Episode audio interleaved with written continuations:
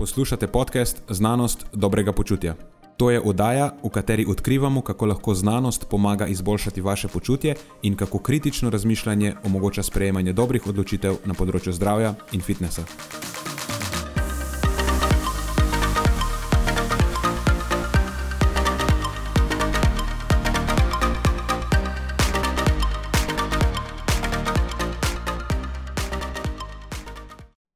Pozdravljeni, z vami smo Nenad in moj sovoditelj Marijo. Tokratna epizoda je bila malo drugačna, na mesto online smo se dobila pri meni doma in sva jo posnela v živo.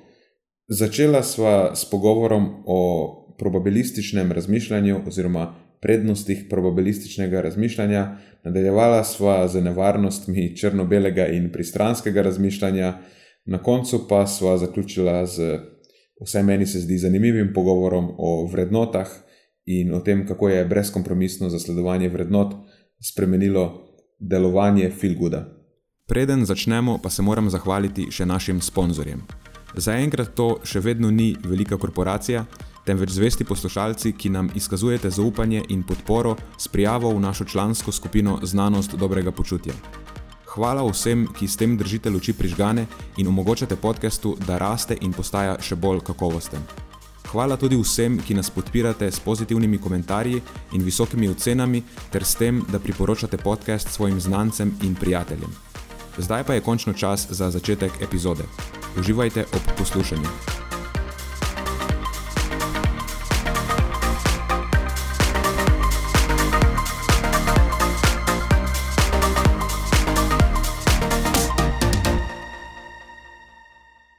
Moš to selfie narediti. Nisem isti tak specialist za selfije. No, lahko si predstavljate, da sediva na IKEA na slonjačih, aha, ne da se nekaj trudi. To je tako, zdaj se, mikrofon, okay. zdaj se mikrofon ne vidi. Nija meste take, pa veš, kako bi se te morali. A se se mikrofon vidi zadaj, zdaj, prav. O, to pa bo. Imam dobro frizuro. Imaš, spodaj in zgoraj. Mislil sem na brado, da ne bo pomote. je že začel z inoendi. Nimam dolge roke, za dost. Što je zdaj huda vsebina, ne? Da bo pol, se bo pol s tem ukvarjal. Se bo pol s tem, ja, ok. Ok. To je zdaj bil vod. Še pa vod. Ok. Danes torej snemamo bolj brlog, staj pri meni doma. Kako vrst zvoka bo mogoče boljša na ta račun? Udobno je, uh, večkrat. Ja. Jaz sem si naredil kavo, Marijo ni hotel kave. Mogoče si bo Marijo premislil. Zdaj je že ta vlak odpel. zdaj sem se že usedel. Dobro, vede. Bom preživel samo na eni do zdaj. Dobro, ta bo zdaj spet ena taka filozofska. To so že stokrat, ne se nam je zgodilo, da so se o nekih stvarih pogovarjala na koncu je izpadlo dosti zanimivo, mogoče celo tako, da bi bilo uporabno komu slišati. Ja, to je res zanimivo, ta kanal podcasta, kjer dobijo ljudje, ki jih to zanima, v pogled v najne osebne pogovore. tako, normalni, normalni ljudje, ki se dobijo na pivo, se pogovarjajo tako, vem, o aktualnih uh, zadevah. Ne? Eh, mi pa o filozofiji in neki družbeni kritiki. Mislim, da so tudi aktualne zdaj, malo ja. se čem aktualnem bi se lahko zdaj tudi pogovarjali. Ja. Uh, kako bomo naslovili to današnjo temo? Ti si rekel, da bi se bilo fino pogovoriti o tem eh, probabilističnem razmišljanju. Ti si to rekel, jaz se spomnim več mesecev, pol leta, mogoče celo uh, nazaj, ko je ta, uh, ali še več, ali še več. Znabi, da je bilo še več. Uh, so, mislim, da je ta COVID zadeva še tako prišla v nek, uh, v nek mainstream. Sem bil tukaj pred tem na kavi enkrat in se ti v bistvu začel uh, s tem probabilističnim razmišljanjem, kako tebe to fascinira in kako ljudje uh, nekako opažaš, da imajo težavo z razumevanjem tega. In pa sem meni bilo to tako zelo zanimivo in evo, jaz to vzamem. Uh, sabo in razmišljam o tem, in interpretiram malo po svoje, razširim in predvsem opazujem. Da v bistvu se mi zdi, da sem nekaj stvari, ki si ti takrat povedal, jaz sem vzel pa sabo in odnesel v prakso. In um, mogoče Ne, tisti, ki poslušajo, vejo, da moj, moj recimo, dan obsega precej interakcij z različnimi ljudmi. Ne. In potem jaz začnem opažati točno to, kar si ti rekel, ne, da je dejansko v najrazličnejših situacijah, z, v pogovoru z najrazličnejšimi ljudmi o najrazličnejših temah, ki sploh nimajo veze z nekimi trenutnimi zadevami, ki nas najbolj zanimajo. Uh, ta isti vzorec, to isto pomankanje, ta isti skupni imenovalec, uh, se pravi, ali za nekega namenskega neznanja o tem, ali pa samo neke šlamparije, ne češ pač. Um, iščem črno-belo, ne pa ne znam uh, oceniti nekega tveganja, pa verjetnosti za, za neki zid. In to mi je bilo fascinantno, evo, to sem predlagal tebi, da mogoče lahko danes nekaj o tem govorimo. Mislim, ljudje imamo problem s tem, da ne znamo razmišljati probabilistično. Ni to nekaj naravnega, po mojem, nam ne pride naravno. A moramo mi povedati, kaj sploh to je probabilistično razmišljanje? Ja, zelo lahko ti ta uvod narediš, ko si ga meni takrat. Pa ne vem, če se spomnim, o čem točno sem govoril, pa kaj sem povedal. Ampak čist po domače je, kaj to pomeni probabilistično, je pač razmišljanje o verjetnostih. Ne, vse, vsak eh, izid ima neko eh, verjetnost, eh, da se bo zgodil. In v, v kompleksnem svetu nikoli ne moreš vnaprej napovedati, kaj se bo zgodilo, ampak vedno moraš oceniti neke verjetnosti. En tak, mislim, da je znan primer tistih ameriških volitev, sem ti to povedal. Ja. Da je nek ta pač, analitik, znan analitik teh volitev na CNN-u napovedal, da ima Donald Trump, to je bilo leta 2016, ne, ne vem, da je verjetnost, da zmaga on na volitvah, nekih dobrih 20 odstotkov, mislim, ali pa okoli 30 odstotkov uh mhm. -huh. je bila njegova napovedana vrednost. In ljudje so to razumeli kot Hillary Clinton bo zmagala. Uh. -huh. pač, Ker ona ima pa 70 odstotkov uh mhm. -huh. možnosti. Ampak mislim, 30 odstotkov je še vedno ena tretjina. Tako da on se ni zmotil. Ne? Samo potem pač s postfestom tako izpade, kot njej je napovedal večjo verjetnost, zmotil se je. Ne, ni se zmotil, samo. Verjetnost je bila. Ja, ena tretjina verjetnosti se je pol uresničila. In vse povsod v danes je tako, o čemer koli se odločamo, moraš pač sprejeti nekaj, veš, kaj veš, nekih stvari ne veš, moš pa potem tudi oceniti te stvari, kar ne veš. In izračunaš se neko verjetnost in se potem v skladu s tem odločaš. Zdaj to je, tako sliši se ful abstraktno, pa mogoče naporno, samo tako pač je, ne, ne moš vnaprej vedeti. To je isto. Obstaja možnost, da udari strela v tebe. In možnost je majhna, ampak ni nič. E, in se mi zdi, da če razmišljamo na ta način, potem lahko bistveno boljše eh, odločitve eh, sprejemamo, pač v bistvu ne življenjske ali kakršne koli druge odločitve. In se mi zdi, da na področju prehrane, recimo, če se bo konkretno o tem pogovarjali, pa zdravja in pa dobrega počutja, da bolj nasplošno, je, je zelo podobno, ker marsikaj o tem ne vemo. Imamo neke raziskave, imamo neko maso raziskav, neko težo dokazov temu rečemo. In zdaj na podlagi tega, ko se odločamo o nečem, pač moramo svoje verjetnosti, da se bomo pravilno odločili, izračunati. Ne? Vse imamo neke konkretne podatke. In potem na podlagi tega narediš neko kalkulacijo, nekoliko verjetno je, da je ta tvoj nasvet uh, dober ali pa točen, ali pa da ni točen. Ampak nikoli ni 100%, kar koli rečemo, v bistvu ni nikoli 100%. Vedno obstaja možnost, da smo se zmotili v bistvu. Zdaj sem se spomnil dveh stvari. Prej, ko si govoril o ameriških volitvah, sem se, sem se spomnil, ne vem zakaj, naprimer Šakila Unila. Ne? On je imel tekom svoje kariere odstotek izvajanja prostih metov okoli 30, ali nekaj tasga. Ampak še vedno je kar nekaj zadev. Ne, yeah. Ja. veš, ne moramo reči, da je 70 posto je, da bo zgrešil, in tako bo vse falo. Pač ne bo, ne, falo je bo nekaj, ampak nekaj bo tudi zadev. In zdaj, ki si rekel, um, nič, kar rečemo, ali pa ni res. Večina stvari, ki, velika večina stvari, ki jih rečemo, jih ne moramo z gotovostjo trditi. Ampak kljub temu način naše komunikacije je, če si pozoren, da je zgolj v pogovornem slogu, je to je 100 posto, 100 posto, 100 posto se zdihe. A veš, to je nek, nekaj, kar je prišlo v, v, v vsak dan našega razmišljanja, naše komunikacije, da v neke stvari smo 100 posto prepričani, praviloma v tiste, ki smo jih videli na lastne oči ali pa doživeli na lastni koži. In tisto, kar vidimo ali doživimo, v to smo mi zdaj sto posta prepričani. In to zdaj istočasno negira vse ostale izide, ali pa verjetnost za vse ostale izide. Če sem jaz na LCHF dieti zgubil 10 kg, ne, je LCHF dieta odličen način za hujšanje. Jaz ne morem zdaj razumeti kompleksnosti in nijans tega, ampak imamo to neko tendenco izhajati iz sebe. In če izhajaš iz sebe, se mi zdi, da je to najslabša pot k razumevanju. Česar koli. Mogoče celo sebe. ja, se na koncu dneva zdi itak še samo ena enota. Ja. In na podlagi tega ne moreš nič sklepati. E, mogoče sem prej na, na, napak, napačno sem zapakiral zadevo. E, ni to, da to, kar mi povemo, veš, kaj, mogoče izpade tako, da veš, mi nekaj govorimo, pa pol še zmeraj obstaja velika verjetnost, da to ni res, kao, ne, ker po tem principu pro, probabilističnega razmišljanja. Ampak ne, narediš neko kalkulacijo in potem govoriš o stvarih, za katere si precej prepričan. Veš, recimo, imamo težo dokazov na enem področju in mi načeloma govorimo o stvarih, kjer je verjetnost, da imamo prav, blizu 100.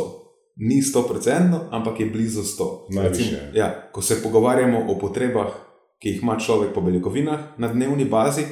Mislim, tukaj zdaj imamo že toliko podatkov, da eh, kljub, kljub, kljub vsej kompleksnosti lahko s precejšnjo gotovostjo trdimo, kakšne te potrebe so.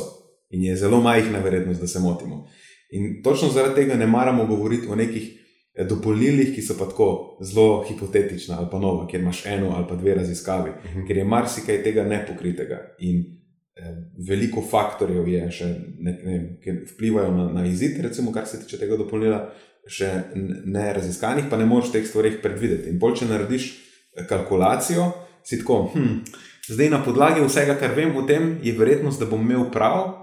Recimo 20 odstotkov, raje ne bom o tem govoril, ker znam biti, da se bom zmotil, ne, kako pa to kalkulacijo narediš. In zato to je razlog, zakaj mi ne maramo nekako govoriti o teh zelo takih vem, novih. Pa...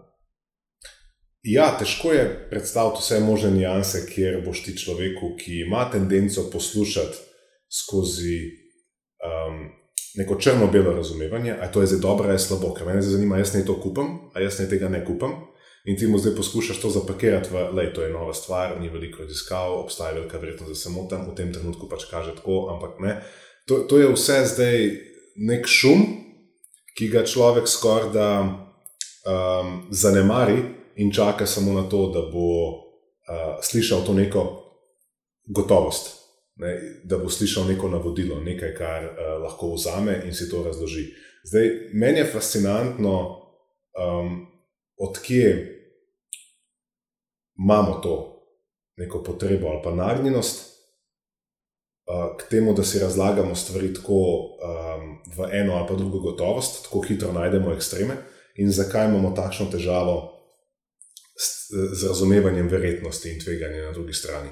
To je nekaj, kar me zanima. Imam vprašanje, mogoče za te, ki se s tem več ukvarjajo. Ali je lahko eden izmed razlogov tudi ta, da uh, je morda razumevanje tveganja del tudi naših razumskega dela naših možganov, da je to pač neka stvar, ki je relativno no, nova v našem softveru, ta prefrontalni korteks je vključen v, v, v tak način razmišljanja, ali je človek bolj čustvena žival v tem smislu, da pač limbični sistem naše čustva poganja naše reakcije in zato si lažje, um, se, se lažje na tak način. Si lažje na tak način razložimo neke pojme ki so uh, bolj abstraktni in težji za razumeti, in imajo več nijans. Ne vem, če bi lahko glih kategoriziral, da je ta bolj počasno razmišljanje del, recimo, uh Mhm. -huh. frontalnega korteksa, pa on, ne vem, neko hitro odzivanje, bolj čustveno, ne glih samo limbičnega sistema. Jaz ne poskušam tega tako razložiti, sam iščem razloge, zakaj imamo to. Um, E, mislim, da evolucijsko ima smisel, zakaj smo nagnjeni k temu, da se raje hitro odločamo, pa da ne premislimo o nekih stvarih. Mislim, da sta, kaj sta Kahneman in Tverski. Daniel Kahneman. Ja. Ja, pa Tverski, ki sta postavila to hipotezo, um, ne, hitro in počasno razmišljanje, mm Mhm. -hmm. varianta. Ker v, v preteklosti, ko smo živeli v bistveno manj kompleksnem svetu, pa je bilo preživetje, oziroma skrb za preživetje, ne, bistveno bolj eh, neka taka akutna, akutnega pomena. Uh -huh. Je bilo, vse to je racionalno v tistem okolju, se hitro odločiti. Pač, če je bila nevarnost, je bilo racionalno se hitro odzvati na to, pa nekako eh, čim bolj probati zamejiti eh, to nevarnost. Ampak zdaj v današnjem kompleksnem svetu, pa več preživeti je niglih naša primarna skrb, hočemo biti uspešni, hočemo ne, eh, ne vem, uspevati, trajati, kako je to Mhm. slovenska beseda. Uspevati. Ne, Ja. ja, pač se nekako med fajn, in potem se je treba odločati tudi z nekimi drugimi eh, izidi v mislih, ne samo z, z preživeti. Ne, pa tudi, glede na to, da je svet precej bolj kompleksen danes, pač takrat so bile samo akutne nevarnosti, več ali manj. Ne, nisi izven nekih bolj kompleksnih, mogočih družbenih eh, situacij znotraj plemena, ne, nisi rabil veliko eh, računati tega probabilizma. Dočim danes pač, ki imaš vem, vse posodne, na, na poslovnem, na finančnem področju, tudi socialni odnosi se mi zdi, da so danes bolj kompleksni, na družbenih medijih vidiš neke stvari. V končni fazi znanost je nekaj, kar v preteklosti ni obstajalo Mhm. v, v takšni obliki. Se mi zdi, da danes je pa vse bolj in bolj pomemben ta to počasno razmišljanje, oziroma to, da oceniš neke verjetnosti in potem premišljeno sprejmeš eh, neke odločitve. To mislim, da nam ne pride naravno, glih zaradi tega, ker ni bilo del eh, našega okolja zgodovinsko, ne? Eh, ni bilo del tega eh, okolja, ki mu rečemo ta environment of evolutionary adaptedness. Mogoče je to tudi razlog, zakaj pol obstaja toliko velik nekih diskrepanc, ker na enem področju uh, to precej razumemo. Da lahko sam primer naše prakse. Ne. Ljudje praviloma razumejo, da če bodo investirali v redno telesno dejavnost, če bodo delali z bremeni, če bodo bili ne, športno, če se bodo športno destovali na eni strani in če bodo recimo poskrbeli malo za uh, primerno prehrano na drugi, da z danes na jutar ne, to ne, ne bo nekega rezultata, da tudi to ni zihar trotl način, kako boš ti preprečil uh, neke negativne zdravstvene izide v prihodnosti. Še vedno imamo ljudi, ki se prehranjujejo v redu, pa niso ful debeli, pa jih zadane marsikaj. Ne? Ampak vseeno razumemo, se mi zdi, da je to neka investicija, da je to nekako usmerjeno v, k, zmanjšanju tveganja za neke negativne izide v prihodnosti. Se pravi, to, to nam je jasno. Ne? Zakaj se ukvarjaš s športom? Ne, ko jih vprašaš, zato da bom pač na dolga leta bolj uh, lahko, ne na pozna leta, pardon, da, lahko, da bom bolj fit, da bom bolj sposoben. Uh, na eni strani, ampak pri enih drugih uh, vprašanjih ne, um, je pa zanimivo, da sploh ne znamo vklopiti uh, tega istega načina razmišljanja in razumevanja nekih stvari, kot pa očitno znamo na nekih, recimo, spet drugih področjih. To mi je recimo fascinantno. Vse znaš, vse očitno znaš, očitno znaš oceniti tveganje, očitno razumeš na enem področju, zakaj potem, kje pride do tega šuma, zakaj zdaj pa na nekem drugem področju ti ta isti mehanizem, ta isti sistem odpove. Če sprašujem se, če dejansko res znamo, ker to, da vadiš, recimo, te ne reši. Mislim, še zmeraj se ti lahko zgodi nekaj hudega. Zmanjša Ja. verjetnost, ampak Ja. ja, odvisno od raznih stvari, tudi tvojih genetskih predispozicij na koncu. Mislim, moje- da za večino ljudi pol uh, zanemarjajo to. Vse vidimo v tej aktualni korona situaciji. Pa se moraš samo malo trenirati, pa moraš imeti dober imunski sistem, pa bo kao vse v redu. Ok, ja, vedno bomo našli nekaj ljudi, ki imajo tudi do te točke konkretno eh, napačno prepričanje. Um, ampak dobro, jaz sem hotel predstaviti uh, moje pogovore z nekaterimi strankami, ko se pogovarjamo o tem, zakaj počnemo to, kar počnemo, in ne dobim nazaj informacije, da kdorkoli od njih zares misli, da je to neka neprebojna varovalka ali pa nek ščit, ki zdaj, če bojo oni zrihtali prehrano, pa da bojo malo gibali, da bojo pa neprebojni in bojo živeli večno. Brka ne vidim samo to, ok, s tem, če, če, če poskrbim za ta aspekt svojega življenja, potem bom imel lahko boljši jutri. Vsaj malo boljši jutri. Ne, nihče pa ne misli, da zaradi tega ne bojo dobili kakšne bolezni, ampak samo vejo, da je verjetno zato manjša. To je samo moje spet subjektivno opažanje, da na tem področju a, razumejo, kaj se gremo, pa razumejo tudi, kakšen vpliv ima to, kar mi delamo na njihovo prihodnost, da jih ne ščiti 100%, ampak da ne, je nekaj, kar lahko naredijo, da investirajo. Um, na drugih nekih področjih uh, ali zdravja, ali pa življenja, o nekih drugih temah, pa tega istega razumevanja ne prenesejo. To sem sam hotel uh, reči. Vedno se pa najdejo, kot si izpostavil, takoj nekateri, ki mislijo, da če samo imaš six-pack, pa če samo dviguješ teži, pa potem bo tvoj imunski sistem. Uh, Mislim, da je to neka skrajna oblika tega, da nimaš uh, nobene kapacitete razmišljati probabilistično, ker misliš, da je vse pod tvojo kontrolo, ne? da je vse črno-belo. Ja. Drugač pa, da se te prej vprašati, na, na kera konkretno področje pa potem tega recimo ne prenesejo? Konkretno področje. Ja. Recimo, pa to ni neko področje, v katerem jaz radi svoje mnenje eh, podajam, ker je to bolj tvoje področje. Ampak recimo konkretno vse vezano na tveganja uh, ali cepiv ali pa bolezni COVID. Ne, o tem si ti veliko govoril, zato lahko tukaj tebi predam bolj besedo. Ampak vem, da ko se pogovarjamo slučajno o tem, ker to je za neka tema, o kateri se pogovarjamo posod, uh, mene to ne zanima toliko v smislu pro pa anti, kot me zanima v tem smislu, um, a znajo ljudje oceniti tveganja, ne, kakšna so v primeru cepljenja, v primeru bolezni, v, primeru, ne, v različnih primerih. In opažam, da ko pa se dotakneš nekih takih tem, pa deva reči do tistih tem, s katerimi so čustv, čustveno, da so malo bolj upeti, ali pa tako izkustveno so malo bolj upeti. Potem pa kar od enkrat ta. Mogoče racionalen del, se razumem, tveganje. Ne? Vsakič, ko se sedeš v avto, tvegaš, da pač bo šlo nekaj narobe, pa vendarle uh, sprejmeš to tveganje, ker ti je jasno, ne, kakšno je, na nekih drugih področjih, pa, ali pa tudi diet. Tudi če jim poveš, da če izključijo celo skupino živil iz svoje prehrane, obstaja večje tveganje, da bo prišlo do kakšnega pomankanja. Če imajo s to dieto neke pozitivne izkušnje, ali pa poznajo nekoga, ki je imel pozitivne izkušnje s to dieto, lej, ker od enkrat so vsa ta tveganja. Minimizirana, minimizirajo jih, zato ker poznajo nekoga ali pa so sami imeli s tem pozitivne izkušnje. E, isto recimo pri cepljenju. Če poznajo nekoga, ki je imel negativne izkušnje po um, cepljenju, bojo maksimizirali ne, uh, tveganja vezana na to in jih bojo prikazali kot večja od koristi, in na drugi strani, ne, spet, če mhm. poznajo nekoga, ki je za COVID-om zbolel, bojo morda zanemarili vsakršne komplikacije vezane na cepivo. Zato, ker kar od enkrat je v njihovi glavi ta negativna COVID izkušnja edina stvar in sto procentno. Tako da ne vem, če sem uspel prikazati. Uh, ja, mislim, da je to glavna razlika med tem hitrim in počasnim razmišljanjem. Enkrat, mislim, v probabilističnem razmišljanju čustva nimajo nobene vrednosti. Ne? Ko razmišljaš probabilistično, potem te zanimajo samo realni podatki ali pa karikirano rečeno številke.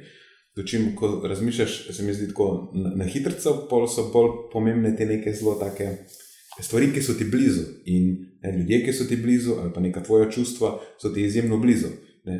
Če spet razmišljamo o tem, kako je nekoč v nekem prejšnjem okolju se lahko človek hitro odzivati, pač ko je slišal ne vem, nek šum tam za enim grmovim ozadjem, je to v njem zbudilo strah in on se je mogel hitro odločiti.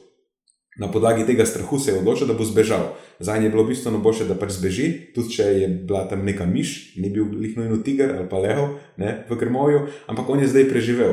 In smo zato bolj ne, recimo, nagnjeni k temu, uh, tudi, da uh, potenciramo negativne stvari bolj kot pozitivne, ker je to za nas koristno. Ker pa če si zbežal, si preživel, zdaj če si se pa enkrat napak odločil, pa nisi zbežal, pa je bil dejansko tam levo v zadej, ki je šumelo, um, si pa pač umrl in nisi mogel razširiti svojih genov.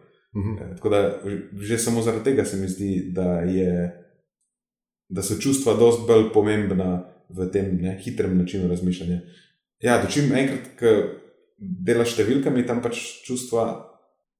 Veš, nimajo nobenega vpliva, oziroma pride do erozije. Čim začneš mešati čustva v to, začneš uklapljati ta hitrejši sistem razmišljanja, ki nima veze z probabilističnim načinom, ampak se pač začneš odzivati tako po feelingu. Mogoče se mi zdaj odgovoril na eno vprašanje, da bi ti ga sploh postavil. Uh, ko si to zdaj razlagal, se mi je utrjalo, mogoče je pa to razlog, zakaj potem, ko v pogovoru z nekaterimi ljudmi, čist neobsojujoče, mirno poskušaš predstaviti ne, to, kar sem zdaj poskušal tebi predstaviti. Se pravi, obstaja očitna diskrepanca med tem, da na enem področju razumeš tveganja in verjetnosti na tem istem področju, si se odločil to popolnoma iznakaziti. In uh, ko posameznika postaviš pred ta nek dualizem, ki ga je sam ustvaril, veš, kaj pogosto ostanejo, brez teksta, brez besed. Ne, mogoče je to zdaj razlog, kot si zdaj opisal. Ne, ko ti zadaneš neko čustveno komponento, ta ne pozna besed. Tukaj imaš potem ne, blanke. Hitro poskušamo to zapolniti z nekimi nepovezanimi, neracionalnimi eh, obliži eh, ne, v naše argumente, ki, kjer vidimo, da v bistvu te naši, eh, naši okviri, ki smo si jih postavili, so začeli razpadati. Ne? In pa se človek začne zatekati še globlje in še globlje, in, in zgubi vsak, vsak stik z nekim, z nekim smislom. Uh, mogoče je to uh, razlog, ne? ker vse vsi vemo, da ko, bolj kot smo čustveni, bolj čudno, nerazumno se obnašamo in vse, kar počnemo, zgublja smisel, nima več nobenega smisla. Ja, v nekih manj kompleksnih situacijah, recimo, da je, so se še čustva zmeraj lahko koristna, kot je prej opisan strah. Tako, ja, seveda. Ampak ja, v današnjem kompleksnem svetu, sploh pa v tej trenutni situaciji, ki je izjemno kompleksna, pa mislim, da čustva res nimajo kaj iskati. Glih pred kratkim sem se pogovarjal z nekom, ki je zelo naklonjen cepljenju, pa se je šel cepiti med prvimi, pa uh, zagovarja cepljenje. In tudi mi dva smo se pogovarjali o tem, ali bi bilo smiselno narediti cepljenje obvezno v tej trenutni situaciji. In se je absolutno strinjal, da bi bilo, ja, da je mu narediti to zadevo obvezno, ampak za odrasle. Pokaj je pa priš, prišla debata do otrok, ne, samo otroke bomo pa pustili na miru. Ne? In potem sem ga vprašal, ok, ampak zakaj bi potem ne, mladoletne pustili na miru. Ja, da oni pa niso, niso ogroženi in ne, zakaj bi posegali v njihovo telo, telo in tako naprej. In potem sem jaz vrtal še malo naprej, ampak kako, mislim, niso ogroženi. Mislim, še zmeraj so tudi ogroženi. Če jih cepiš, je verjetnost, zmanjšaš njihovo verjetnost, da se jim karkoli slabega zgodi. Ne, če jih pač pustiš v nekovajih naivne, pač naivne za ta virus in se okužijo brez, da so bili cepljeni, je nevarnost večja. In vemo, da cepiva, recimo, ko imajo sicer neke neželene učinke, relativno majhna verjetnost je, da se to zgodi, ampak je bistveno večja verjetnost, da če pustiš otroka, tudi če je relativno eh, neogrožen v, v primerjavi z odraslim, je še vedno bolj nevarno, da se mu kaj zgodi, kot če bi bil predtem cepljen. Ne, zakaj ga torej ne bi cepil? In je bila tišina. Veš, ne, to. Ker, ker to, ja, ker, ker, to, ja, ker pač njemu je bilo, ne, sam ne mi otrok, ne, ker otrok, ko se pogovarjamo o otrocih, to pa zdaj v meni vzbudi neka čustva. Sam, če daš številke na mizo, ni dobrega razloga, zakaj ne bi tudi otrok precepil. Za ja. tistih, za kere je trenutno cepivo, recimo, potrjeno, eh, da ga lahko uporabljamo. Ja, pa se to je zanimivo, da tudi če greš drugih primerov. Eh, stran od cepljenja. Se spomnim številnih predavanj, eh, tudi ti si bil zraven, ko smo govorili, kdaj s kakšnimi, ki so pridelovalci hrane. Ali so proizvajali svoje suhomesnate proizvode, ali so proizvajali svoje lastno očno olje. In so imeli nek tak um, ne objektiven, seveda, popolnoma subjektiven pogled na to svoje živilo. Ne? In ko smo predstavljali, um, ali pa med medarije, ne so bili. In uh, z tega se spomnim. In zdaj, ko ti njemu predstaviš, da pač le, kaj je med, kaj je olčno olje, pač to je 100% maščoba, ki pač je hranilno relativno revna, energijsko je zelo, zelo bogata. Ja, ne. In zdaj, veš, Ves čas predavanja se je strinjal s tabo, prepričal si ga, ne, da ja, mislim, prepričal si ga, vse to ni nekako zdaj tam naša naloga, ampak sledil je logiki, bilo mu je blizu, vse je imel smisel, ljudje uživajo preveč maščob v prehrani, celo tukaj so kima zraven, ja, preveč maščob je problem. Sej dejstva smo predstavili, dejstva smo predstavili, številke smo predstavili, dejstva. In ljudje sledijo, ne, sledijo, sledijo, sledijo, vse jim je jasno, ne, pokažeš jim, pokažeš jim, jim podatke, kot praviš, in, in vse štima. Potem pa prideš do konkretizacije in zadaneš ob njegovo olčno olje. Dam zdaj konkreten primer. Da, je njegovo olčno olje pa neka posebna. Točno to. Ne? In zdaj jaz se spomnim tistega predavanja, ljubi Bog, kje sem jaz tebe zdaj izgubil. Ko on se je strinjal, da je pretiran liberalen nos maščob. Problematičen. On se je strinjal, da preveč maščob celo redi, ker postavljam vprašanje med predavanjem. On bil eden izmed tistih, ki je rekel: Ja, preveč maščob, pač ni v redu. Ja, Pretiran energijski vnos na račun. Tako na račun maščob. Ja.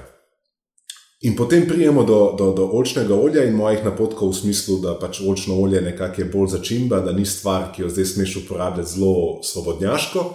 In on začne takoj polja, pa ni vsako olčno olje isto, ne veš ti, kako jaz delam svoje olčno olje. To je full zdravo, ima pač full, to niso prazne kalorije.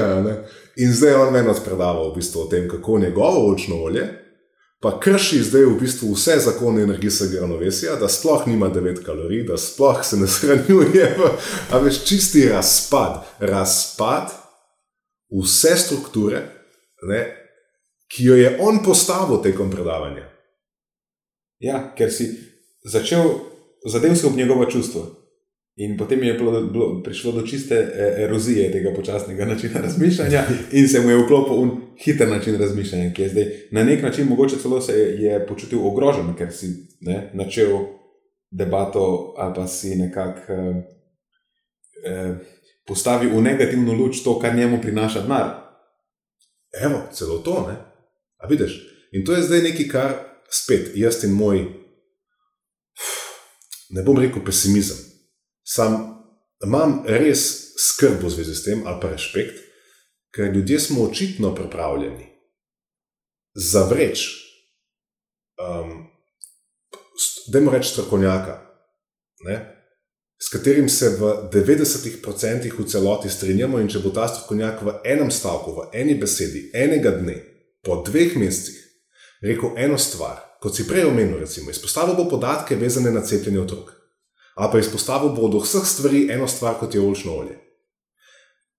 Mi tega ne znamo kontekstualizirati, ne znamo to postaviti na neko premico, ne znamo o tem razmisliti, ampak vržemo vse in njega ne, v koš, in ta posameznik zdaj je izgubil v mojih očeh vso kredibilnost. In to je nekaj, kar mene dosti skrbi. Dosti me skrbi, ker um, ljudje potem kar od enkrat nam ne zaupajo več, ker smo se odrgnili v njihovo olčno olje ali pa od neko dieto, ki so, ki so jo oni s pridom uporabljali. Dan primer tistega komentiranja včeraj uh, na, na, pod eno izmed objav, poslušaj svoje telo, ki smo jo dali na uh, Facebook profil našega filma. Ja, to je izjemen primer. Ja, pa boš kar ti povedal. Ne, mogoče lahko samo pojasnimo, zakaj se gre, če mogoče kdo od poslušalcev ne ve. Ja, ta, ti, ta izjava, samo poslušaj svoje telo, je tak en moj pet piv, nekaj, kar mi gre strašansko na živce.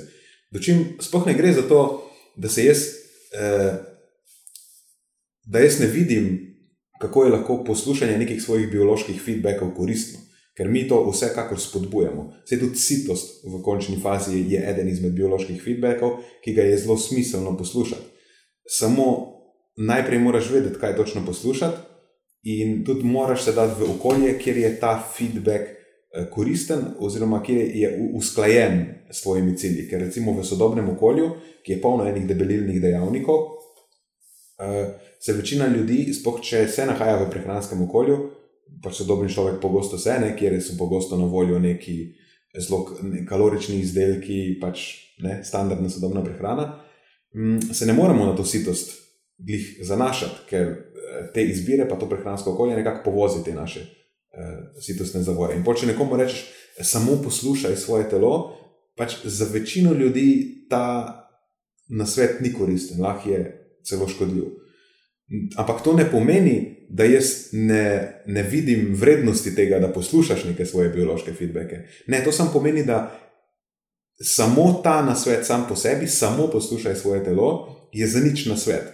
Ne? Če hočeš poslušati svoje telo, pa spremljati svoje biološke feedbacke, moraš najprej narediti domačo nalogo. Moraš najprej vedeti, kaj točno poslušaš, ne? kako zdaj v tem kontekstu tvojih ciljev um, te, ti glasovi v narekovajih tvojega telesa so sploh zate koristni, kako so nekoristni, kaj lahko zveš od njih, kaj ne moreš zvedeti od njih.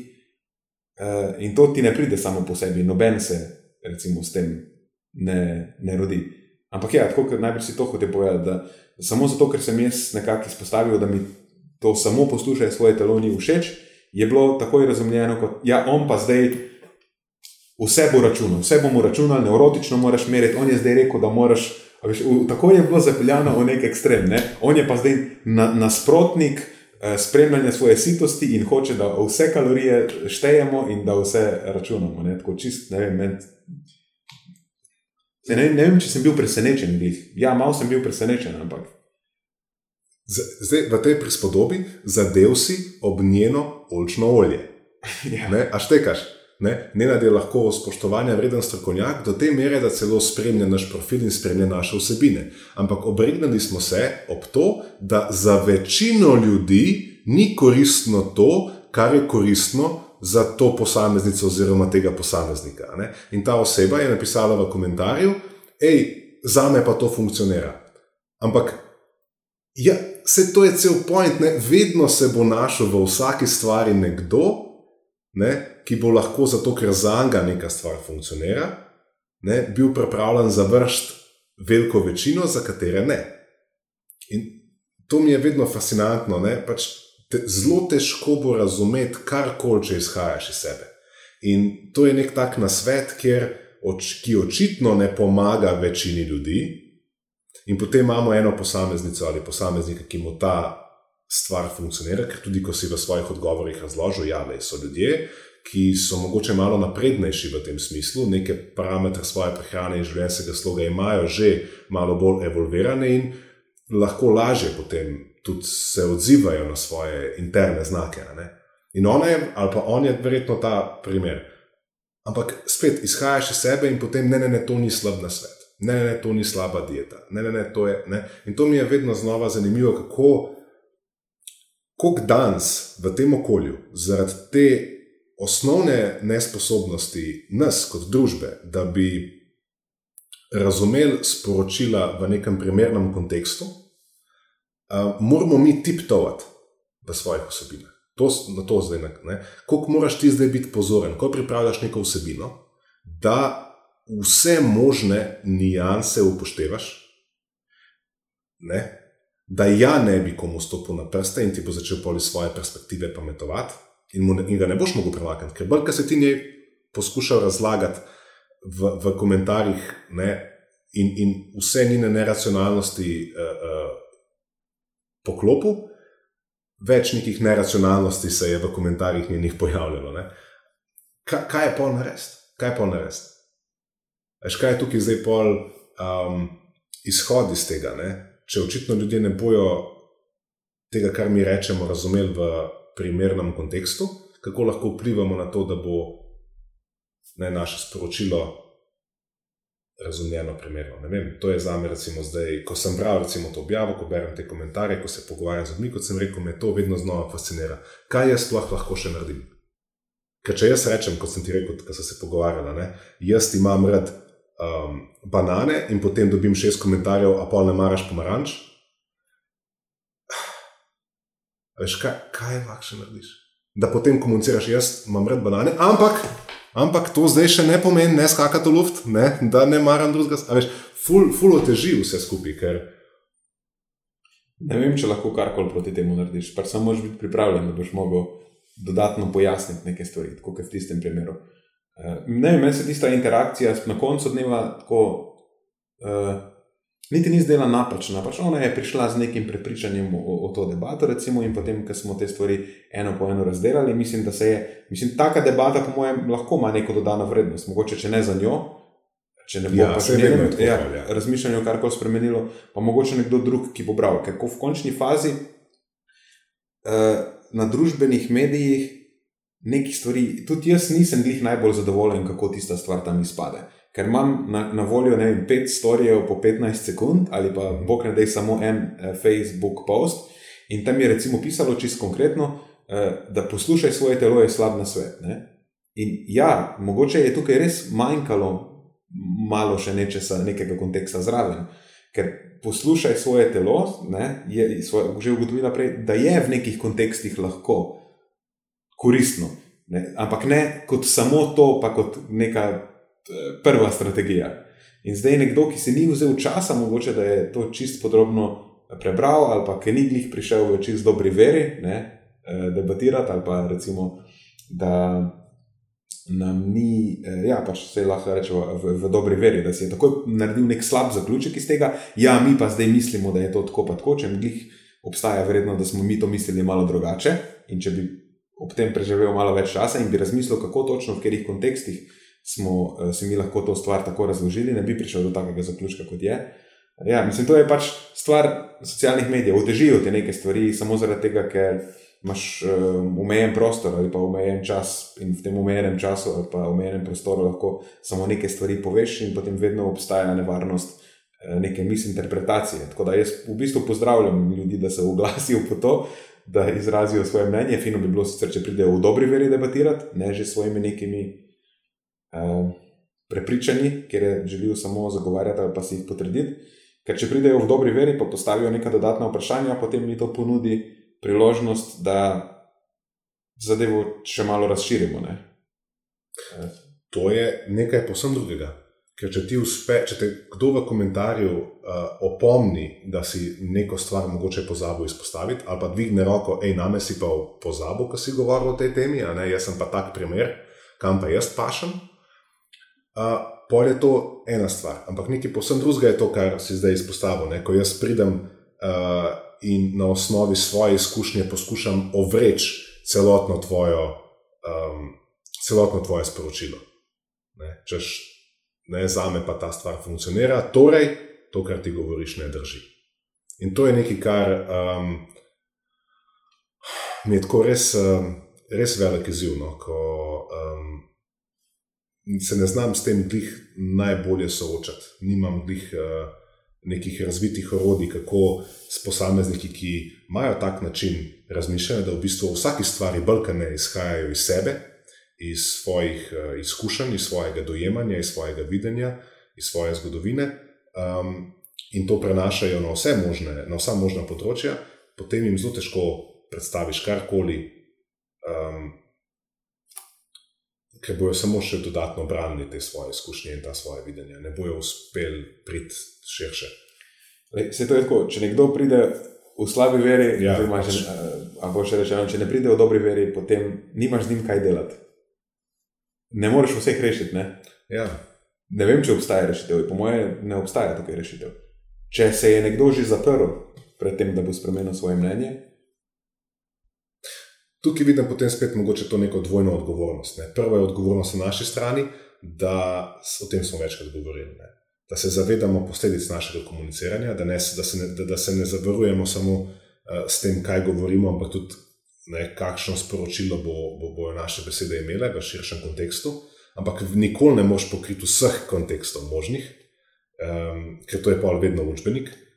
Um, zato je tudi delno odgovornost na drugi strani, da tisti, ki to bere, upošteva naravo oziroma kontekst tega zapisa in da ne gleda samo, kar piše skozi svoje, svojo prizmo. Aha, jaz pa ne vem, z to stvarjo imam drugačne izkušnje in to pomeni, da ta stvar zdaj ne. eh, Ne funkcionira, ali pa še huje, potem ljudje, ker, kot sem rekel, že prej zavržajo ne samo sporočilo, ampak celo tebe, kot nekoga, ki očitno nima pojma, o čem govori, zato ker on pa ve drugačne. In to je dosti škodljivo, ker če bomo to počeli, če bi recimo to počeli, dobesedno nimaš nikogar, ki zgubiš ljudi, ki sploh jim lahko, od koga, od koga se lahko učiš, ki zelo hitro po, po, pokosiš vse. In na koncu ti brka ne ostane, ostaneš sam s sabo in svojimi mislimi v svoji glavi, in se obdaš z določenimi uh, samomišljeniki, somišljeniki, pardon, uh, in si dobesedno obtičil. Obtičil si na tej točki, nimaš se kam premakniti. in začneš verjeti v teorije zarote. Začneš, si več čas čakal, da boš sam to lahko rekel. Ja, ne. In zač, pač, ja, ustvarjaš si nek predvsej- vedno globlji, vedno bolj izprijen od realnosti, odmaknjen pogled na situacijo, ker si se v bistvu zares ogradil od vseh, ki so imeli karkoli pametnega povedati, zato ker si v vsaki besedi od njih ne uspel najti nekaj, kar te je ne, zadel na robe. Kot si omenil, zelo dober prej primer. Ne. Ustrinjamo se vsem, samo ne recimo otrocih, torej get the fuck out of here. a Veš. Ja, to je izjemno nevaren eh, pristop. Mislim, zase, ker si tako rekel, temu rečemo, echo chamber si ustvariš. Ja. Če se vedno obdajaš samo s tistimi ljudmi, ki govorijo tako isto, kot zdaj že ti misliš, slejko prej se ugradiš v neki kalup in si tam zdaj zabetoniran noter, ne moreš več ven. Zato spoh na, na tem podkastu toliko krat izpostavljamo, kako zelo pomembno je, da aktivno iščeš ljudi, ki se ne strinjajo s tabo. in da se obdajaš z nekimi drugimi mnenji. Ne? In da včasih celo namenoma poiščeš nekoga, ki govori neke stvari, za katere ti s precejšnjo gotovostjo veš, da niso točne, ampak samo da poslušaš njegov argument, da slišiš, kaj ima zapovedati. In če znaš dobro protiargumentirati potem njemu, prvič ne rabiš se počutiti ogrožen od njegovega mnenja, ker imaš dober argument, ne, s čimer lahko njegovo pač, stališče ali pa mnenje zavržeš, po drugi strani pa pač tudi svojo bazo znanja nadgradiš. Ker če pa nimaš dobrega protiargumenta, pa, pa obstajata samo dve verjetnosti. Ali ima on prav in moraš spremeniti mnenje, ali pa moraš zgraditi ne, boljši, eh, svoj boljši argument. Torej pomeni, da na nekem področju nimaš za dosto dobrega razumevanja, da moraš tukaj še delati, da boš potem lahko mu predstavil argument, kako njegovo eh, stališče je napačno. Ampak seveda tukaj moraš paziti, da je res ne, da si bolj iskren v tem, v tem da uh, probaš zgraditi dober argument, da ga nečeri pikaš. Ne, ker če on ima prav, potem pač moraš spremeniti mnenje. Ne moreš zdaj poiskati pa nekih, a veš, kaj, probati zgraditi nek kvazi argument, da zavržeš njegovo uh, pravilno mnenje. Okay, da se ne zaplete, kaj se hoče reči. Ja, da je vedno koristno aktivno iskati ljudi, ker se s tabo ne strinjajo. Mislim, da je to celo bistveno bolj koristno, kot se obdajati z ljudmi, eh, ki se s tabo samo strinjajo. Zdaj imam pa jaz le spet eno vprašanje. To lahko postane zelo individualen šport. Ne? Kaj mislim s tem? Če imam jaz neko izdelovno mnenje, recimo zdaj je to začetna faza mojega mnenja, ne? recimo postavil sem ga in zdaj se obdajam, iščem pro in kontra. In zdaj ko se postavim neko, na neko stališče, takoj se obdam z ljudmi, ki delijo podobno stališče. Padem, hočeš nočeš, padem v nek komunity. Ne? In zdaj, če jaz, to mi je fajn, podobno mi je, imam neko skupnost ljudi, ki razmišljamo podobno. In dajmo zdaj reči, da sledimo tvojemu navodilu. Dajmo zdaj reči, da jaz namenoma zapuščam to skupnost, ker želim razširiti svoje, svoj pogled na stvari in grem kontra miselnikom, brskati po njihovih argumentih. In hočeš nočeš, če počnem to v dobri veri, bom našel neke argumente, ki, s katerimi bom jaz lahko nadgradil svoje razmišljanje. Kaj jaz zdaj tvegam? Ko pridem jaz zdaj s temi argumenti nazaj k svoji skupini in se zopet z njimi, z njimi pogovarjam o njih, tvegam, da bom naletel na odpor. Tvegam morda celo, da bom iz te skupine nekako izobčen. V nekem najbolj ekstremnem scenariju tvegam, da bom v bistvu zares ostal sam, ker ta skupina zdaj več ne bo sprejemala mojih um, stališč, ker so premalo njihova in preveč od tistih drugih, tista druga pa me ne bojo, bojo sprejeli v svoje vrste, ker v bistvu so njihova stališča v premaj, premajhni meri z moje strani zastopanje in preveč sem še vedno od onih drugih. Se pravi, jaz sem zdaj, ker od enkrat, zaradi tega, ker počnem to, kar počnem, ker želim razmišljati bolj, bolje, ostal sam. To pa ni narava ljudi. Ja, ni udobno. Se tukaj pol pride, mislim, to si zdaj opisal mojo življenjsko zgodbo. Ampak samo do ene točke. Se, Eh, pride do vrednot. Načeloma se hočeš obdati z ljudmi, ki imajo take vrednote, kot jih imaš sam. In če je tvoja vrednota, da iščeš resnico in si šel poiskati resnico, pa, pa prideš z resnico nazaj, pa tvojemu, tvojim prijateljem ali pa pač tvoji družbi resnica ni všeč, si ugotovil to, da se razhajate v temeljni vrednoti, ki je resnica. Ker če bi ti prišel z resnico nazaj in bi to resnico dobro argumentiral, bi oni bili primorani to resnico sprejeti, če bi, bila, če bi bilo sledenje resnici ali pa iskanje resnice njihova temeljna vrednota. Tako da mogoče lahko tudi pozitivno gledaš ne, na to, tako da zdaj si odkril, da se eh, ljudje, s katerimi se obdajaš, da ne delijo tvojih vrednot, pač moraš najti druge. Zdaj, to je precej eh, neodobna realizacija. Pa tudi, a veš, zdaj, ker naenkrat si ugotovil, jaz vidim, kako je to zelo lahko, tako, lahko ti razbije svet malo. In ja, ni, sem... ni, ni fajn. Um,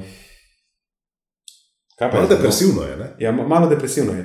No, eh, prej sem rekel, da je to moja življenjska zgodba. Ja, jaz sem bil skozi nekak tak nekonformist. Meni je bilo, ne znam se jih dobro poistovetiti s tem, uh, kako bi lahko to bilo nekomu težko. Ker Jaz sem pač prišel nazaj in sem rekel, da je to resnica, jaz vem, da je to res in so me ljudje izobčili. To se mi je zgodilo že večkrat. Recimo, Čisto konkretno, recimo, vse lahko izpostavijo Ja, zgodbo recimo, za maksimum, eh, pač, ki sem jih sodeloval pri njihovi reviji in tako. In je bilo vse lepo in fajn, dokler uh, sem sledil njihovi rdeči Njihovi ne. Ja. Potem pa sem pač na neki točki ugotovil, da neke stvari ne držijo in da znanost pravi drugače. In sem prišel ves navdušen, da je to pa je tako, pa tako. In potem te pač odrežejo. Ampak je v redu, da spremeš. Pač, očitno se ne skladamo v temeljni vrednoti, ki je iskanje resnice. Vi imate neke druge vrednote, na tej točki se lahko razidemo in greš veselo naprej. Bolj ali manj veselo. Mislim, ti, si- midva sva se nekako našla, kot Tako, dva tako. volka samotarja. Ti si pač bil izobčen iz svoje, ne? eh, ti si bil izobčenec in jaz sem bil v bistvu nekdo, ki je v bistvu bil no, konformist. Ne? Nisem, nisem se podrejal nekim uh, mnenjem, ker se nisem z njimi strinjal. Bil sem v klanu. Um, Nisem niti bil, no, ampak nekako so me potiskali Herbalife klanu, pa sem videl, da jaz tukaj ne bom, pa pol v LCHF klanu z Gašperjem nisva iz istih razlogov kot ti našla skupnega jezika. V, v vseh teh nekih podsistemih uh, neke naše, našega strokovnega dela nisem uspel najti uh, v celoti um, tega, kar, kot si sam rekel, je res, in sem mogel iti stran in sem ostal sam. In mislim, da mi dva sva se m, v vrednoti sva se najdla, nisva mi dva zdaj imela oba dva neke ideje o prehrani. Tako je. Se rekla, o, mi dva se pa strinjava, da je ta način prehrane To je zelo pomembno. Ja, najboljši za vse. Sploh mislim, da na prvem sestanku se nisva nekaj pogovarjala o prehrani, ful. Mm, ampak tako o nekih stvarih na splošno. In je bilo zelo očitno, da mi dva pač deliva vrednote. In jaz sem takoj nekako začutil, da ne bo problem, če jaz grem nekam ven, pa pridem nazaj z informacijo, ki mogoče je v, te, v tem momentu ti ne deliš z mano, ne deliš istega stališča ali pa mnenja. In če ti jaz predstavim dober argument, ga boš sprejel. In to se je zgodilo veš kolikrat. Ja, Če pomisliš, odkar, odkar delava skupaj, odkar se poznava, koliko se je že pogled na neko, recimo, neke teme vezane na prehrano spremenil od samega štarta, glik zato, ker se strinjaš z nekom v vrednotah. In to, če bi bil en citat, mogoče, ki bi ga tukaj izpostavil, ker sem se ga zdaj izmislil, je nekako, da se um, ne obdaš z ljudmi z istimi idejami, ampak z istimi vrednotami. Ker tukaj je pol ta, to pa mislim, da počnemo. Mislim, da, da, da, da, da so nam všeč ljudje, ki razmišljajo o nekih stvarih isto kot mi. In potem imamo ne, zaradi tega, kar se zdaj omenil. E, Vse, imam pa še eno vprašanje tukaj. To je v bistvu dvom, izraz dvoma. Bom vesel, če bo kdo rekel, da ni res. Ampak jaz mislim, da ljudje poznajo besedo vrednota po definiciji samo površno in v slovarju. Sprašujem se, koliko ljudi zares je v svojih letih razmišljalo o tem, katere vrednote so jim pomembne, kaj te vrednote sploh pomenijo in zahtevajo in zakaj. Če vprašaš na ključnih deset ljudi na, na, na cesti zdaj, katere so njihove vrednote, jaz imam resen, resen, resen dvom, da bo več kot na ključnaš znal predstaviti tri in razložiti zakaj. Vse bo površno, vse bo, ja, meni je pomembno, ne vem, iskrenost, pa Mir na svetu. mir na svetu, pa ne vem, kar neki. Ne? Pač neke stvari, ki nimajo ne repa, ne glave, niso izdelane, niso trdne, niso stabilne. In kako češ potem, ne skladam se s tabo v vrednotah. Vse sploh ne vem, kakšne so moje, pa kakšne so tvoje vrednote. Sej, zato, ker ne poznamo vrednot sebe in drugih, ne razumemo tega koncepta povezovanja, se potem povezujemo z idejami. Ja, ja se mislim, da večina ljudi razume to, kar si ja, zdaj izpostavil. Večina ljudi bi lahko razumela vrednoto kot neko idejo. Ne, kaj je tvoja vrednota, da ne smemo posegati v telesa otrok? Varianta. To ni vredno. Veš, To ne ni bomo vrednota. cepili. Ne bomo jih cepili. Ja, Ja, to- ja, ja, se, to ni Ja. vrednota, ampak mislim, na nek način je nedotakljivost eh, otroškega življenja, ali kako bi pač temu rekel, Okej. je lahko vrednota. Ampak potem jo moraš izpoštovati v svoji celoti. Ker veš, to, da se ti pol čustveno odzoveš, ja, ne bomo jih cepili zato, ker ne vem kaj, v bistvu ne spoštuješ te vrednote. Ker če res da ceniš pač to nedotakljivost otroškega življenja, da postavljaš uh, dobrobit otrok nad vse ostalo. Ja, potem zdaj to moraš objektivno oceniti in na koncu dneva ugotoviš, težko da je za je. njih najbolj koristno, težko da jih je. precepiš. Težko je, ne? zelo težko je. In jaz bom iskren, ampak v pravem pomenu besede iskren. uh, do nekje 25 let, 26, ko, si, ko so se mi dva spoznala, jaz to v vrednotah nisem imel blage veze. Poznal sem besedo, ampak da bi jaz znal vrednote artikulirati, da bi, da bi jaz uh, razumel, kaj to zahteva, kakšna odgovornost je to, ko si enkrat vrednote postaviš, ko si jih napišeš na čelo in ko sam sebe po njih sodiš, koliko je to težko. Kokrat moraš sam sebe pogledati v oči in reči, da veš to. Ne, to mi je spodletelo. In celo šel bi tako daleč, da bi rekel, da slediti vrednotam spet ni gotova stvar, ker ti bo spodletelo in ti bo spodletelo večkrat. Da si ti postaviš samo neke vrednote, je nekaj, k čemu želiš vedno znova se vračati. V moji predstavi je to kot slediti samorogom. Ne, ali pa loviti jih. Nikoli ne boš sto procentno Ne, vedno se bo zgodilo, ker smo ljudje, da bomo zajebali, da bomo, ampak da prepoznaš to, da razumeš, da, da, da se vrneš nazaj k temu, da se kot nek smernik nazaj, ko zalutaš v neko slepo ulico, se pač vedno znova znaš vrniti na pravo ulico. To so vrednote. Ni vrednota, ne, nikoli ne smem z te ceste zaiti. Ja, ja, itak. Ja, sej, lahko bi zdaj izpadlo kot Prej so se pogovarjali o tem, en od naju je prišel z resnico in je predstavil, ja. predstavil drugemu, in potem elegantno je drugi to resnico sprejel. Kaj je ja, ne, ne, koliko, koliko krat je bil to kleš, ne? ja, ampak čakaj, jaz vem to, ti veš to. In potem so nekaj časa o tem debatirali, ampak na koncu dneva ja, se je vsak od naju najbrž upominjal, ampak da je premislil o tem, zasledovanje resnice je moja vrednota, In potem prideš do tega, da okay, zdaj bom mogel spremeniti mnenje, če je res to moja vrednota. No, Doskrat se je zgodilo, da ni glih bilo tako elegantno, da zdaj ne, je en drug mu se predstavlja dejstvo in je kar drug kar sprejel to. Mislim, da se morajo uh, poslušalci zavedati, da so najne debate bi lahko bile športna disciplina. Zakaj? Zato, ker je trening. Zato, ker je povišen srčni utrip, zato, ker je kurjenje kalorij, zato, ker je to kot neke vrste šah. Razumeš? Je, zavedamo se pravil igre in zdaj poskušamo v teh okvirih igrati. In je clash, in je I hate you. In, je, ja. in, ja, in pride do čustvenih reakcij v mestu, ja. in počutiš se ogrožen, ne tako, pa fuck, a veš, a ima zdaj on prav, jaz ja. pa ne varianta. Ja, in je tako, fuck, a veš. Ampak na, dneva, ja, ampak na koncu dneva je vrednota to, da pridemo do resnice, ne to, da imam jaz prav. Pač to je tukaj nepomembno. Zdaj, lahko ima nekdo vrednoto, lahko je njegova vrednota. Bih, mogoče je sama beseda vrednota tukaj eh, zavojajoča, ker to ni nekaj, kar bi nekdo rekel, da je osebno stanovnost, ki jo ocenimo. Ampak ja, lahko bi nekdo imel vrednoto, da je pač njemu je vrednota, da ima on vedno prav. Nima veze resnica, pač moja vrednota je, da imam jaz vedno prav. In verjamem, da večina ljudi, kljub temu, da če bi jih vprašal eksplicitno, ne bi rekli, da je to njihova vrednota. Ampak živi na ta način, obnašajo se tako, da je edino, kar je važno, to, da imajo prav. In Ali neki... vsaj to, da se ne motijo. Ja, ali pa da se ne motijo. Ja. In po, po tej definiciji, ki jo mi imamo za besedo vrednota, je to njihova vrednota. Pač vrednota ni nekaj, kar je nujno dobro, lahko je tudi ja. slabo. Vrednota je pač nekaj, kar ti ceniš, kar je tebi vredno. In če ceniš stvari, neko stvar, ki je v družbi sicer smatrana kot ne vem, neugodna, mislim, še zmeraj je to tvoja vrednota. Ne? V končni fazi zdaj vem, bom prav najti nek zelo, ne vem, zelo bizaren problem. Veš, mogoče obstaja nek ne vem, sadist, psihopat, ki rad muči živali in to dosledno počne vsak dan. Pač njemu je to vrednota.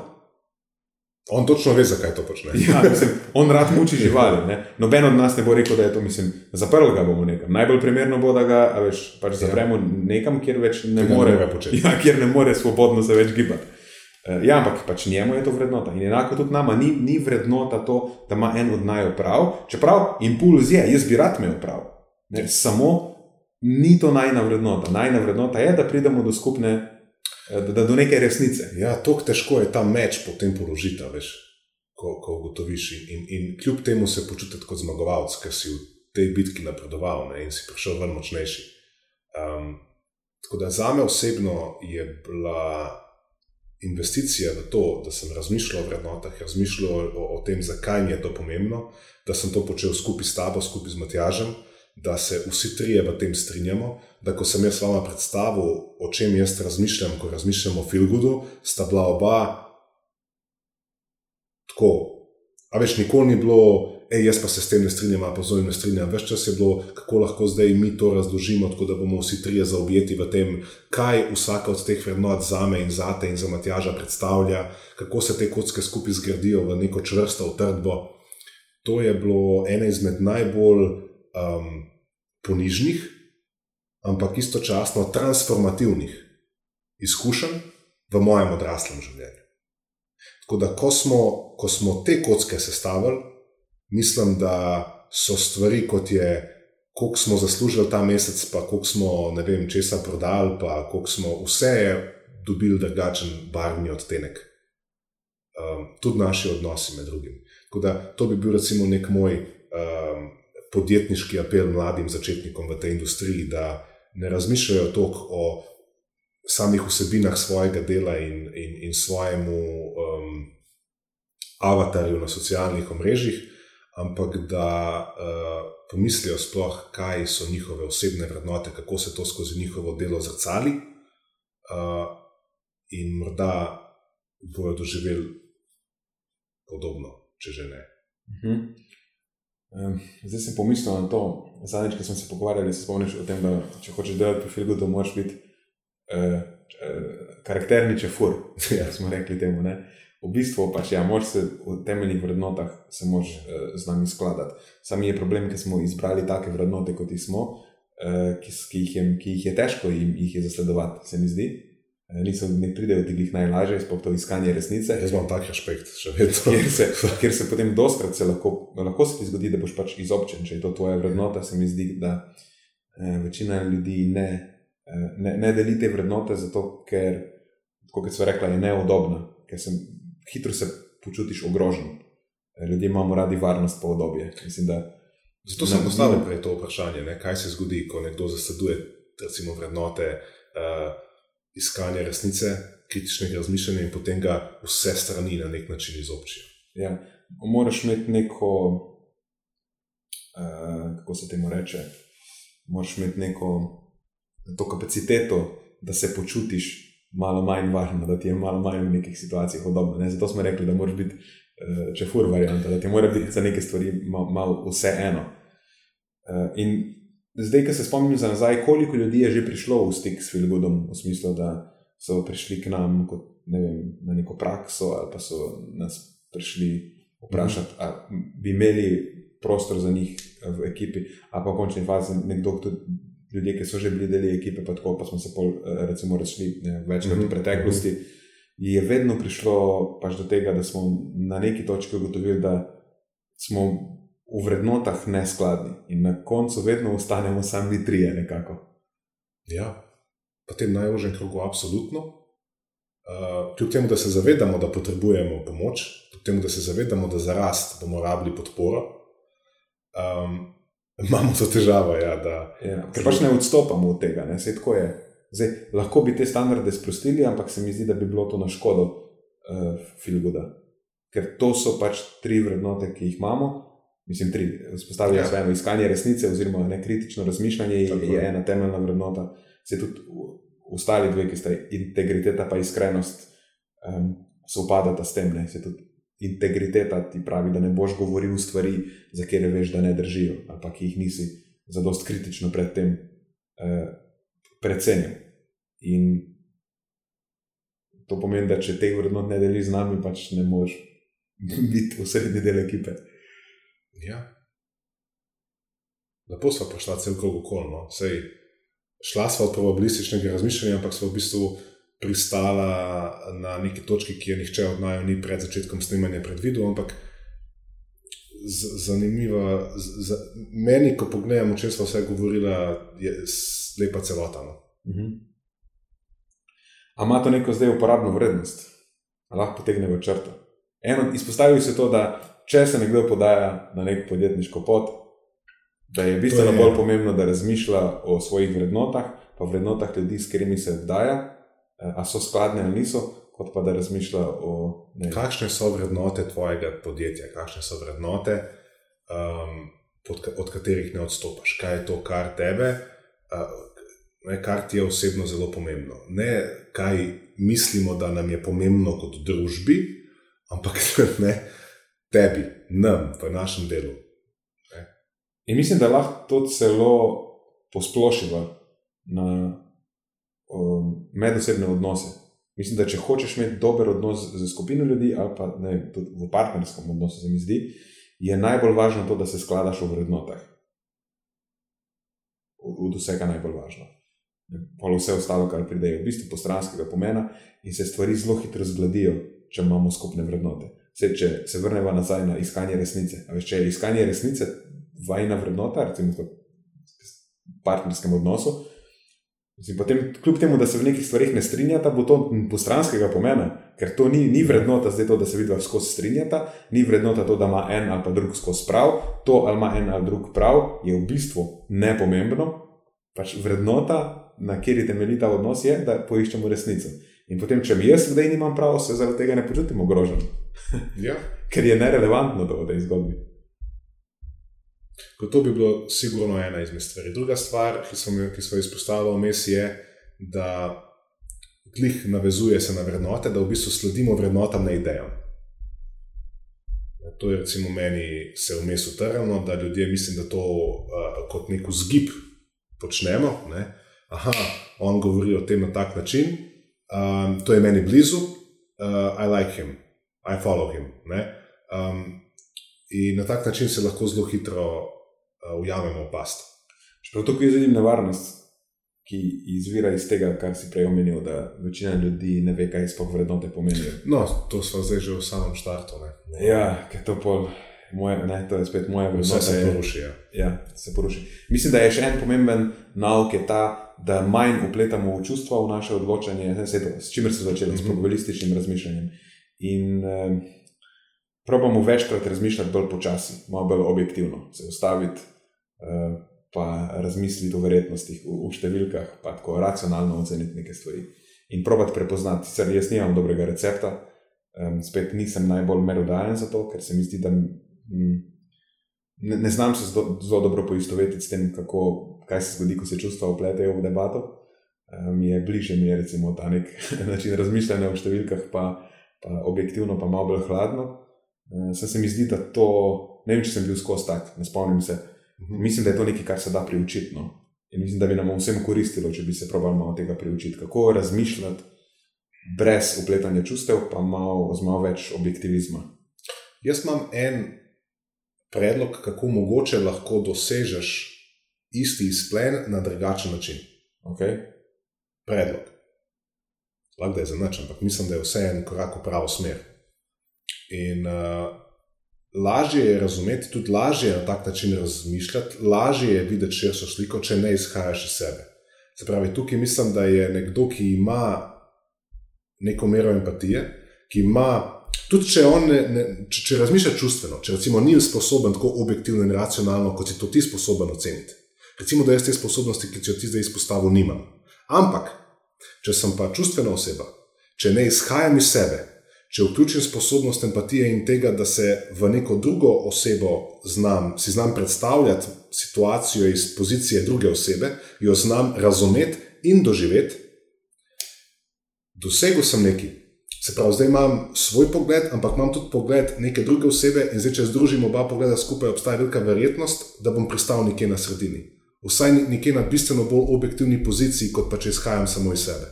Se pravi, mislim, da je tudi po čustveni poti možno priti bližje racionalnosti, ki bi jo dosegel ti na svoj način, na tak način, kot sem izpostavil zdaj. Kaj misliš? Mm, ja, mislim, možno je najti, zdaj to spet predvideva, da je oseba nasproti tebe ima eh, neko mnenje, ki, če je utemeljeno z nekimi čustvi, da je da je drugačno. ja, mislim, najbrž, ni, najbrž ja, je možno Ja. ja. tako. Ampak vprašanje je, pola, je to res o, veš, mnenje, ki je blizu objektivni resnici, ali pa je samo neko povprečje dveh čustev. Ja, um, gre za to, da če imam recimo neko svoje stališče, ki ga zagovarjam, neko svoje mnenje, ki sem si ga ustvaril, uh, zdaj že samo to, da bom poskušal ne, slišati nekoga drugega, mogoče si predstavljati situacijo, pogled z njegove perspektive, bo morda malo bolj zaverovan v svoj prav, morda bo malo manj ekstremističen v teh pogledih, morda bo malo bolj odprt do tega, da osnovna ideja je resnica je širša od mojih okvirjev. Ne? In bom mogoče že sam zaradi tega bil pripravljen razširiti svoj okvir. In če razširjam okvir, potem zna biti, da to ne bo dovolj. Ampak ne predpostavljamo, da taka oseba nima nobenih sposobnosti objektivnega razmišljanja in racionalnega mm -hmm. razmišljanja. Ne? Govorimo o tem, da nekdo nima tvojih sposobnosti, ki so izjemno nadpovprečne da govorimo o nekem poprečnem posamezniku, ki ima sigurno manjše kapacitete za to, že jaz sem lahko tak posameznik, ki ima manjše kapacitete za to od tebe, pa vendar, če se postavim v okolje, kjer bodo te moje omejene kapacitete bolje unovčene, se bom lahko v taki situaciji, kjer se ne zaprem v en kot, ampak si odprem um, delovno okolje in potem v tem okolju, aha, ok, zdaj pa lahko s to svojo mašinerijo operiram in pridem do nečesa, kar je sigurno bolj, boljši, boljši izplen, boljša rešitev, kot pa če bi samo v, omejenem, v tem omejenem kotu funkcioniral ne? in si ne bi dovolil spred alternativnih pogledov. Jaz sem ga malo zafilozofiral, ampak. Ja. Ja, mislim, da je oboje pomembno. Ja, Absolutno. Da, da, probaš, da probaš namenoma biti bolj objektiven, po drugi strani pa da si empatičen, ker noben ni zares 100% objektiven. Ne? Zdaj si med malo bolj, bolj si mi lasko. Uh, ne, kot bi bilo to primerno. No, ti, tudi jaz, tudi jaz ti ne nisem, maraš, da nekdo govori ne, nekaj stvari. Ne, hotel sem reči, da se tudi jaz nisem maksimalno objektiven, pa imam neka svoje prepričanje. Ne, ne si pa nas poprečen. Ampak, se, ja, ampak tru, trudim se pač ja. dati svoje prepričanje stran. Pa le z namenom tega, da probujem poiskati resnico. In doskrat mi ne uspe, ampak je to je nekaj, nekaj, kar proaktivno probujem delati. Ampak se mi zdi, ja, se mi zdi da to, da si eh, tudi da gojiš to empatično noto, da probiš biti empatičen, mislim, da gre z roko v roki s tem. Ja, to ti, če hočeš biti empatičen, moraš nekako svoje prepričanje dati stran in probiš razumeti, kaj druga oseba misli. Ne? Nekako probiš se uživeti v, v, v, drugo, v drugo osebo. Tako da mogoče je samo ta, nek, če bi bil obstajal nek ma, maksimalen objektivizem, je, je to uh, to mislim, uh, objektivizem, ne kot ono, filozofsko, vejo filozofije, mhm. -huh. objektivizem, ampak pač najbolj možno mhm. objektivno predstavo sveta, da bi se lahko, je mogoče to, uh, bi bil tudi nek, uh, da si maksimalno empatičen v smislu, ker potem, če hočeš najbolj objektivno videti svet, moraš vse svoje mnenje dati čist stran. In tudi, če si ne maksimalno nekako empatičen, pol, za svet okoli sebe. Se zdaj tudi jaz filozofiram, ampak v no. bistvu moraš dati sebe, moraš dati čim bolj stran, da potem se lahko uživiš v, v drugo osebo. Ne? Da to dojemanje njegove situacije ni unesnaženo z tvojimi pogledi na svet. Ne vem, kateri filozof je rekel, da je empatija najvišja oblika znanja. Ok, to ne drži. Zdaj sem se spomnil. Ampak ali pa tudi mogoče. Mogoče sem prehitro reagiral. Ja. Uh, Zdaj, če, če, to, če tako. Um, Odvisno, kako si to empatijo razlagaš, po moje. Nekaj, če si jo res razložiš tako. Mislim, da je empatija po slovarju definirana tako, da je, gre za sposobnost razumevanja um, neke pozicije, se pravi, nekega čustvenega stanja neke druge osebe. Ne da ti ta čustva potem te druge osebe podoživiš, da jih deliš, niti nujno, samo da jih razumeš, ne, da jih. Uh, uh, lahko tudi čutiš, da veš, zakaj se gre, ne, in da lahko na osnovi tega tudi lažje potem razumeš situacijo. Um, ne vem, če bi jih rekel, da je najvišja oblika znanja, bi pa rekel, da je vsekakor zelo pomembno, če hočeš efektivno pridobivati novo znanje. Potem tudi mislim, da empatija igra uh, veliko vlogo. Ker če hočeš stališče nekoga drugega razumeti, um, moraš uporabljati empatijo. Pač moraš nekako probati razumeti, oziroma fajn je koristiti, ja. da zveš, okay, odkje on tako stališče ima, na podlagi čega je utemeljeno, in do tega skoraj ne moreš priti, uh, vsaj ne um, zelo učinkovito ali pa zelo globoko, če nimaš tega feelinga za druge ljudi, če nimaš empatije. Težko se poistovetiš, ne pa, pač vidiš samo svoje. Ja. In, Vse tisto, prej, kar sem rekel, nisem jaz rekel z namenom tebi laskati, ampak tebi je izjemno neugodno, ko nekdo sploh pove kaj lepega o tebi. Pa nisem želel povedati nekaj lepega, lepega o tebi, samo dejstvo ti je to sporočilo. Ne, ti si nekdo, ki si pač nadpovprečno sposoben objektivizirati stvari um, in imaš recimo ta nek racionalen način razmišljanja um, razdeljen. Razlogi, zakaj so te do sem pripeljali, so številni in jih razumeš samo ti. Samo kot nekdo, ki pozna ljudi um, in se pogovarja z različnimi ljudmi in pozna tudi sebe, pač vidi, da imaš to komponento nadpovprečno razvito. In to vsak, ki bo imel možnost komunicirati zdaj s tabo o čemer koli, bo tukaj verjetno prekinil. In to, zdaj, to, to je dejstvo, to ni zdaj ti to razumi kot pohvalo ali grajo, ampak je dejstvo. Um, in si predstavljam, da nekdo, ki to posluša, pa mu je to zelo daleč, potem zelo težko razume navodilo kot razmišljaj bolj na tak način, ker wow, ne, to je zdaj tako, ker prišel sem prvič v gim, tudi da se dela počepe, vem ne, da dela 200 kg deadlifta, ne in pol. Probi malo več delati, ja, to je heavy, kako ne prijem do tja.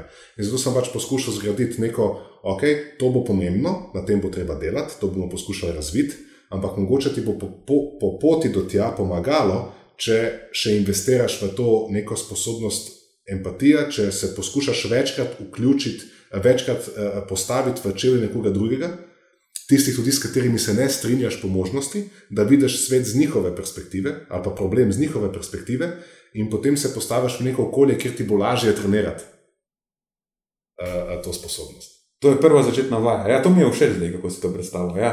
Okay. Ja. Uh, Mislim, da bi to bil lahko res dober prvi korak. To so kevni skleci, ki jih začneš na kolenih delati. Ja, Dej si vse malo probati poistovetiti z drugimi ljudmi, probati razumeti, odkje eh, njihova mnenja prihajajo, ne spoh, če so drugačna od tvojih, in pridi tja to delati v dobri veri. Ne s tem, da ti si že prepričan, pa vse ja. vem.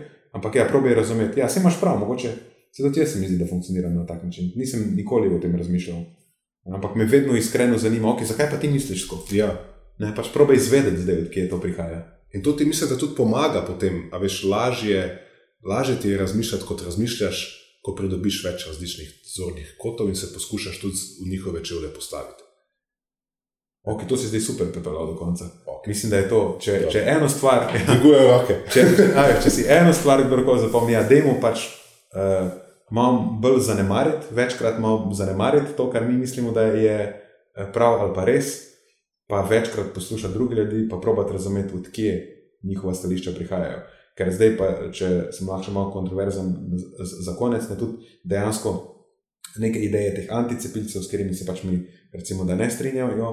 Um, je, ni tako, da zamahnem z roko. Je, je, tega nikoli nisem naredil, da se ne. Pa to so neki tam neumneži, ki imajo smotane ideje. A veš, pa tako ne bom razmišljal. Ali pa un članek, une inicijative teh slovenskih zdravnikov, mm -hmm ja, kar, karkoli si mislimo od njih. Ne. Tudi ni bilo, da sem zdaj odprl un članek, a veš pa se rekel, da to je spet nek butas njihov članek. Ne, greš prebrati ta članek, probaš razumeti, odkje so zdaj oni do tega stališča prišli. In potem vidiš, da okay, ta stvar je res zelo čere, pika na vzeta iz konteksta, um, to ni nekaj, kar je relevantna informacija. Ne. In enako tudi smo naredili z anticepilci. Me je zanimalo, okay, zakaj pa ti tako misliš, ne? zakaj pa ti misliš, da so ta cepiva tako nevarna. Ne? Na, na podlagi na katerih informacijah zdaj ti temeljiš to, to svoje stališče. In pa pač eh, na nek način malo jih razumeš, malo, malo se ti začnejo smiliti, malo ne, tudi neko toleranco malo večjo do njih razviješ. Uh, ja, se mi zdi, da je to. Da je to zelo dober način, kako začneš razvijati kapacitete objektivnega razmišljanja. Jaz se upam, da bodo ljudje poslušali do konca, ker na koncu smo še ne. ok, evo. To je za tokrat vse iz naše strani. Hvala, ker ste poslušali do konca. Delite epizodo s svojimi znanci in prijatelji in jo priporočajte dalje, saj s tem omogočite, da sporočilo znanost dobrega počutja doseže čim večjo množico. Hvala vsem, ki nas podpirate s članarino in tudi vsem ostalim, ki delite podcast dalje in nam izkazujete naklonjenost z visokimi ocenami in pozitivnimi komentarji. Se slišimo prihodnjič, do takrat pa ostanite premišljeni.